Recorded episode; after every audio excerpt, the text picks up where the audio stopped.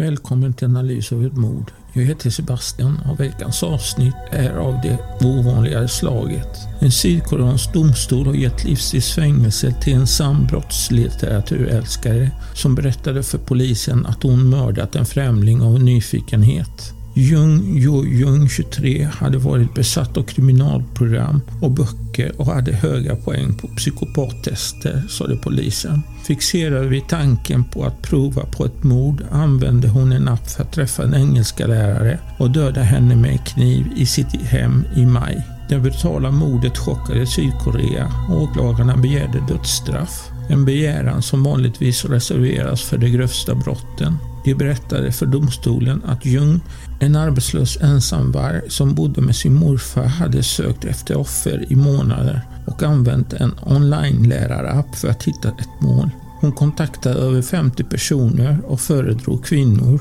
frågade om de höll sina lektioner hemma.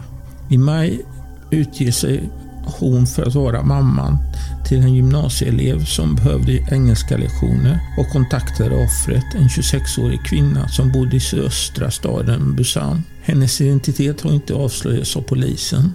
Jung dök sedan upp hos läraren iklädd en skoluniform som hon hade köpt online, enligt åklagarna.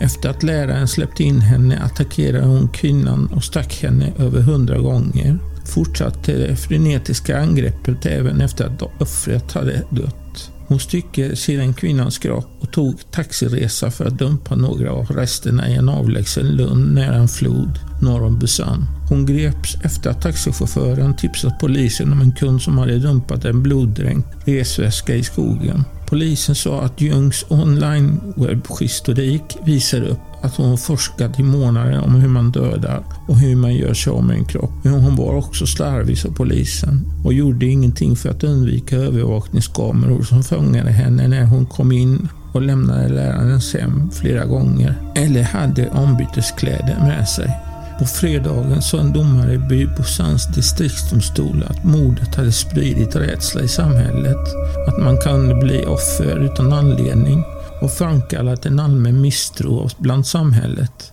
Jung, som är, bekände sig skyldig till brottet i juni, bad om en mildare straff och hävdade att hon hade hallucinationer och andra psykiska störningar vid tiden. Men domstolen avvisade dessa argument eftersom brottet hade varit noga planerat och genomfört. De noterade att hennes uttalande till polisen hade ändrats frekvent. Inledningsvis sa Jung att hon bara hade flyttat på kroppen efter att någon annan hade dödat kvinnan och hävdade sedan att mordet hade inträffat som ett resultat av en diskussion. Till sist erkände hon att hennes intresse för att begå mord hade väckts av kriminalprogram och tv-program. Medan Sydkorea behåller dödsstraffet har det inte verkställt en avrättning sedan 1997.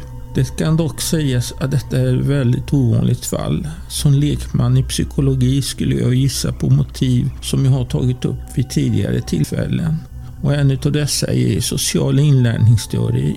Enligt social inlärningsteori kan avvikande beteenden läras och förstärkas genom observation och imitation av andra människors beteende, särskilt som dessa belönas på något sätt. Detta ihop med psykopati och brist på empati kan vara en del av orsaken. Detta är bara gissningar då jag inte är psykiatriker, men jag har tagit upp tre fall där styckning har varit huvudtema fast de ursprungliga motiven har varit av olika art. Sex, pengar och leva ut sin fantasi. Tack för att du lyssnade på Analys av ett mord.